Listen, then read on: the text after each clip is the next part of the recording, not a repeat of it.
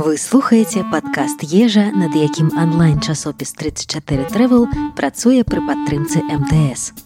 Цыкл распавядае пра беларускія гастранамічныя традыцыі учора і сёння. У мінулых выпусках мы запрашалі вас за багатыя сталы шляхты і сціплыя сялянскія сталы. А ў гэтым эпізодзе пачастуем тым, што іх заўсёды яднала. Пагаворым пра хлеб. Калі хлеб увайшоў у наш рацыён, якім ён быў, Чаму яго так шанавалі нашы продкі? Які сакральны сэнс укладалі ў свежаспечаны бохан? Шукаем адказы на гэтыя і іншыя пытанні.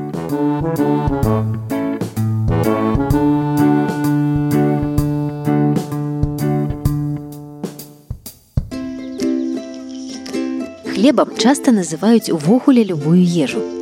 Шмат зарабляеш, а нягош на жытло ды хлеб хапае. І калі кажуць, напрыклад, што людзям патрэбныя хлеб ды відовішчы, то маюць на ўвазе, вядома, не толькі вусту нарачанскага. Калі ж вернікі просяць Бога пра хлеб надзённы, тут узнікаюць яшчэ больш глыбокія сэнсы. Але паказальна, што ролю метафары выконвае менавіта хлеб. Нездарма ж ён усяму галава. Цяпер цяжка ўявіць беларускі стол без хлеба. Але калі ён на гэтым стале з'явіўся, Гісторыкі лічаць, што займацца земляробствам на тэрыторыі сучаснай Беларусі і вырошчваць збожжа нашы продкі пачалі ў раннім жалезным веку. У сёмым шостым стагоддзях да нашай эры, то бок прыкладна 2700 гадоў таму. Вядома, што ў сярэднявеччы у 9-13 стагоддзях ужо нашай эры у полацкім княстве вырошчвалі жыта, пшаніцу, ячмень, проса. На панямонні культывавалі таксама сачавіцу у горадні грэчку але галоўнай збожжавай культурай было жыта. Ад таго часу і далей так яно і павялося. Ніхто не назаве дакладнай датай, калі з беларускай печы выйшаў першы духмяны бохан. Верагодна, як пачалі вырошчваць зерне, тады і хлеб прыдумалі. Але вядома, што першы хлеб на Беларусі не быў падобны да звычнага нам кругляка з хрумсткай скарынкай. Хутчэй гэта было нешта накшталт запечанай кашы з расцёртага зерня. Як бы там ні было, у часы вялікага княства літоўскага жытні хлеб з дадаткам ячменнай, пшанічнай, аўсянай і грэчлівай мукі стаў асновай рацыёну. На святы пяклі бліны, караваі і перагі з дробна памолатай жытняй мукі.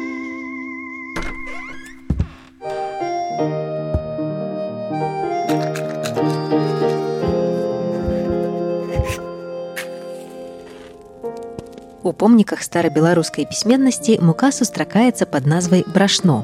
Каб атрымаць брашно, зерне малолі жорнамі альбо везлі на млын. У 19 стагоддзі шырокае распаўсюджанне мелі розныя віды чорнай мукі: жытняя, аўсяная, грэцкая, гарохавая. Мука белая, пшанічная ужывалася значна радзей, у асноўным для асаблівых выпадкаў. Мука была паказчыкам багацця і дабрабыту ў доме. У народзе казалі: усякая гаспадыня, калі мукі поўна скрыня.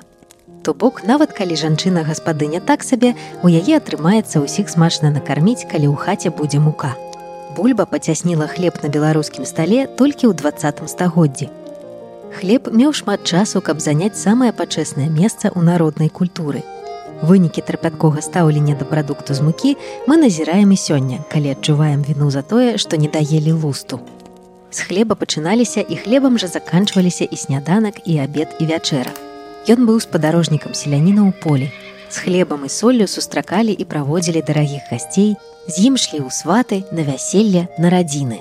Ва ўсіх выпадках хлеб служыў сімвалам шчасця і дабраславення. Хлеб у доме гаспадар, на працы сябра, у дарозе таварыш, казалі беларусы.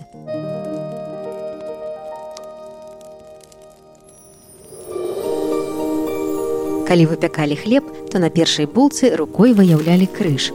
Елі гэтую дабраславёную булку заўсёды апошняй. Па хлебе прадказвалі лёс членаў сям'і. Калі бохан у печы развальваўся на палавіны, у тым бачылі вельмі благі знак. Верылі, што сёлета можа памерці гаспадар або гаспадыня. Калі ў мякішы з'яўлялася вертыкальная трэшчына, гэта прадказвала блізкі падзел сям'і. А калі гарызантальная, то чакалі, што або дачка пойдзе замуж, або сын у прымакі. Крышыць хлеб забаранялася. Хто так зробіць, то ніколі хлеба мець не будзе. Вялікім грахом лічылася кінуць на падлогу нават крошку хлеба. Калі ж выпадкова здаралася, што падаў кавалак, то яго падымалі, цалавалі і клалі ў рот. Хто ведае, можа адсюль пайшло правіла 5 секунд. Непажадана было пачынаць новую булку вечарам. Лічылася, што ў такім выпадку прападзе багацце. Бохан рукамі не ламалі, карысталіся ножом, каб не застацца без хлеба ў будучыні. Верылі, што калі абнесці хлебам будынак, які гарыць, то агонь не перакінецца далей. Гэты звычай між іншым захаваўся да нашых дзён. Падчас пажару ў вёсках старыя людзі абносяць хлебам будынак ахоплены агнём, каб лакалізаваць стыхію. Павага і любоў да хлеба як да самага галоўнага багацця выхоўвалася з дзяцінства. Беларускія этнографы 19 стагоддзя сведчылі, што калі хлапцы высвятлялі адносіны, то адкладвалі хлеб у бок, а пасля бойкі падбіралі яго і даядалі.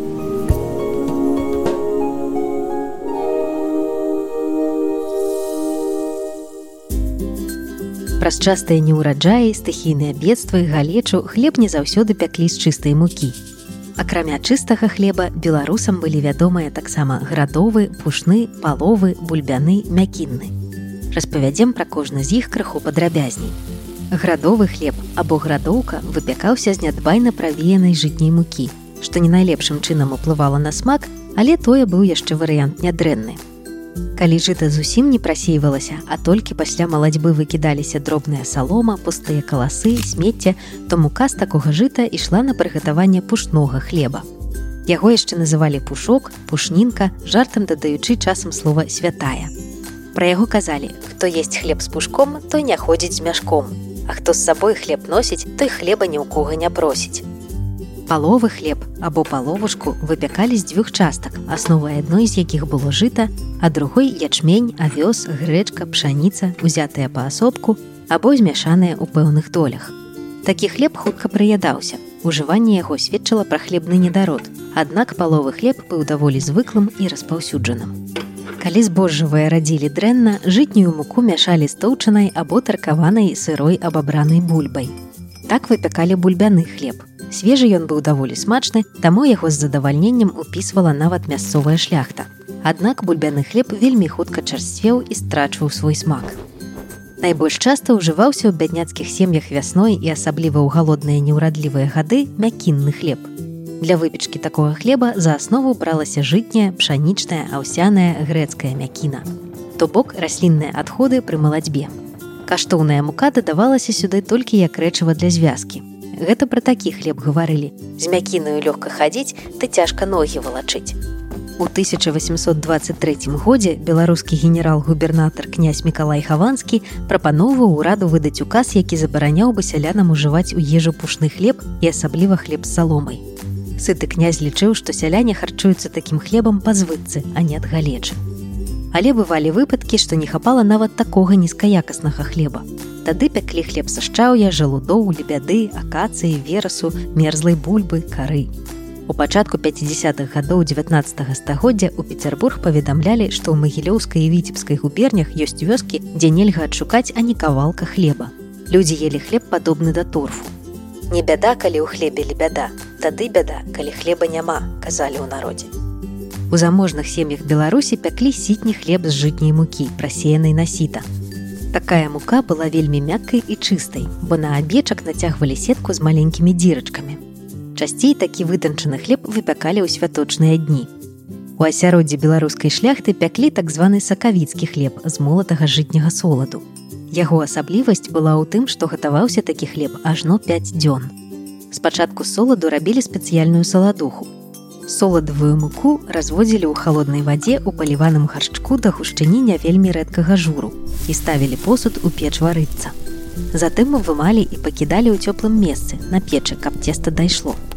Затым гаршчок саладухаю ставілі зноў у печ, закрывалі, яна там упарвалася, румянілася і засалоджвалася. Калі печ астывала, гаршчок вымалі і цёплую саладуху вылівалі ў дзежку, дзе яна накрытая знаходзілася да раніцы. Такую аперацыю саладухай паўтаралі на працягу 5 дзён. На пяты дзень у дзежку дабаўлялі апельсінавую цэдру, адвараную і здробненую, перац, гваздзік, імбір. Тады сыпалі прасеяную на палову соладавай жытнюю муку і замешвалі густое цеста, уліўшы ў яго шклянку спірту і гарніц мёду. Старанна вымесіўшы цеста, яго накрывалі, каб падышло, а потым рабілі звычайныя булкі, макаючы рукі ў піва падагрэтае з мёдам. Гэтай жа сумесю змазвалі верх булкі. Пасля выпечкі сакавіцкі хлеб накрывалі настольнікам змочаным у вадзе, каб скарынка не зацвярдзела.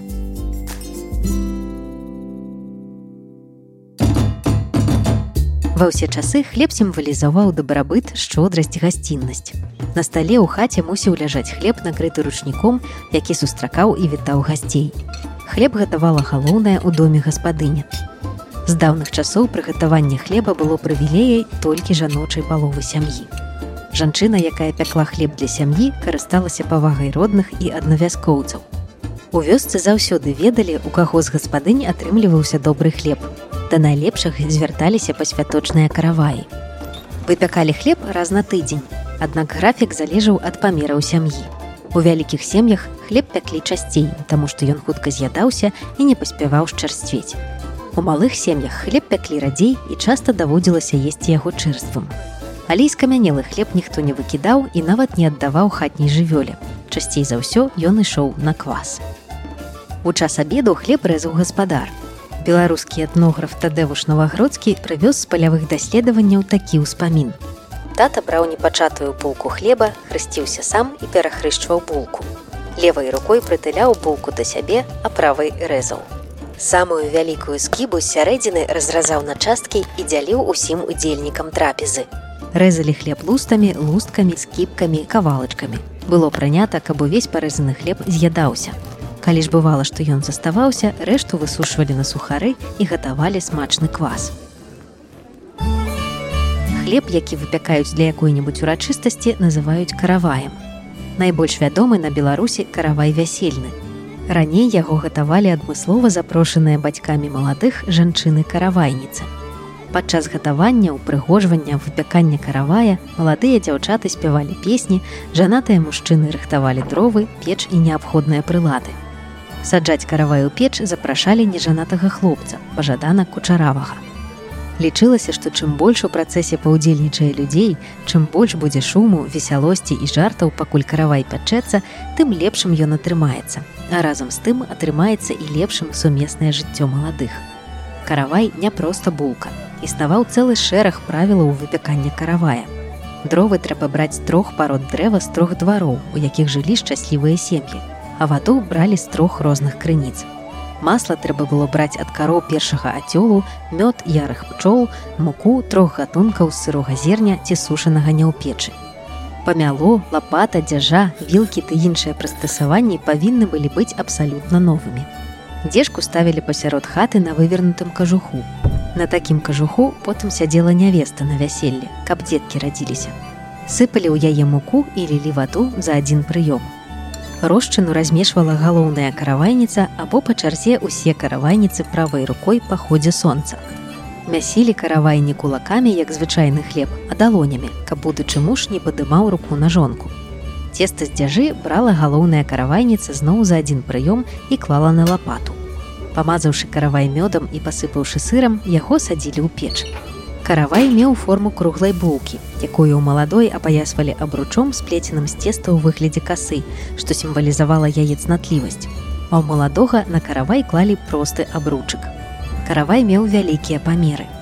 Ён мог важыць 20 кілаграмаў і дасягаць паўтара метра ў дыяметры. Калі каравай быў спечаны, яго ўпрыгожвалі зелянінай, ягадамі, кветкамі. Чым прыгажэй, тым лепей, бо каравай быў сімвалам багацця і дастатку маладых. З'яўленне каравая было кульмінацыяй вясельнага застолля. Дзялілі каравай таксама згодна з пэўным рытуалам. Рабіў гэта старшы сват. Сярэдзіну каравая аддаваў маладым, ніз музыкам, а астатнюю частку родным і ўсім прысутным. За атрыманую частку каравая кожны чым-небудзь адорваў маладых. Некаторыя элементы гэтага абраду у тым ці іншым выглядзе захаваліся да нашага часу. З мукі рабілі абрадавую выпечку і на іншыя святы. Напэўна, самае адметнае ў Беларусі печыва гэта птушачкі да свята саракоў. Адзначаюць саракі ў канцы сакавіка. У гэты час першыя птушкі вярталіся з выраю і святочнае печыва стваралі ў выглядзе жаўранкаў, галубкоў, сарок. З'есці такое печыва было на ўдачу і здароўе. Але прызначалася яно найперш дзецям і жабракам. На саракі гукалі вясну. Казалі саракі гоняць снег да ракі. Лічылася, што з гэтага свята да вясны засталося 40 маразоў не так ужо і многа. А калі раптам захочацца паскорыць вясну прыгатаваннем ядомых птушак, то ў інтэрнэце можна адшукаць рэцэпты, якія ў беларускіх сем'ях захоўваліся з пакалення ў пакаленне.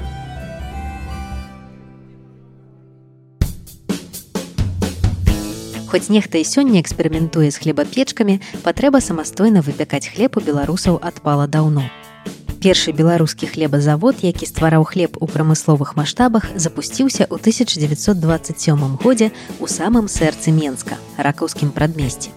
Цяпер хлеб у краіне выпускаюць больш за 200 прадпрыемстваў. Некаторыя з гатункаў сталі сапраўды культавымі. Сваю адданую аўдыторыю маюць і вытворцы так званага крафтавага хлеба. Няхай і завецца ён заморскай чаябатай, але ўсё роўна ідзе ад яго дух роднай печкі і цеплыня умелых рук скарынку пакінуць рука не падымецца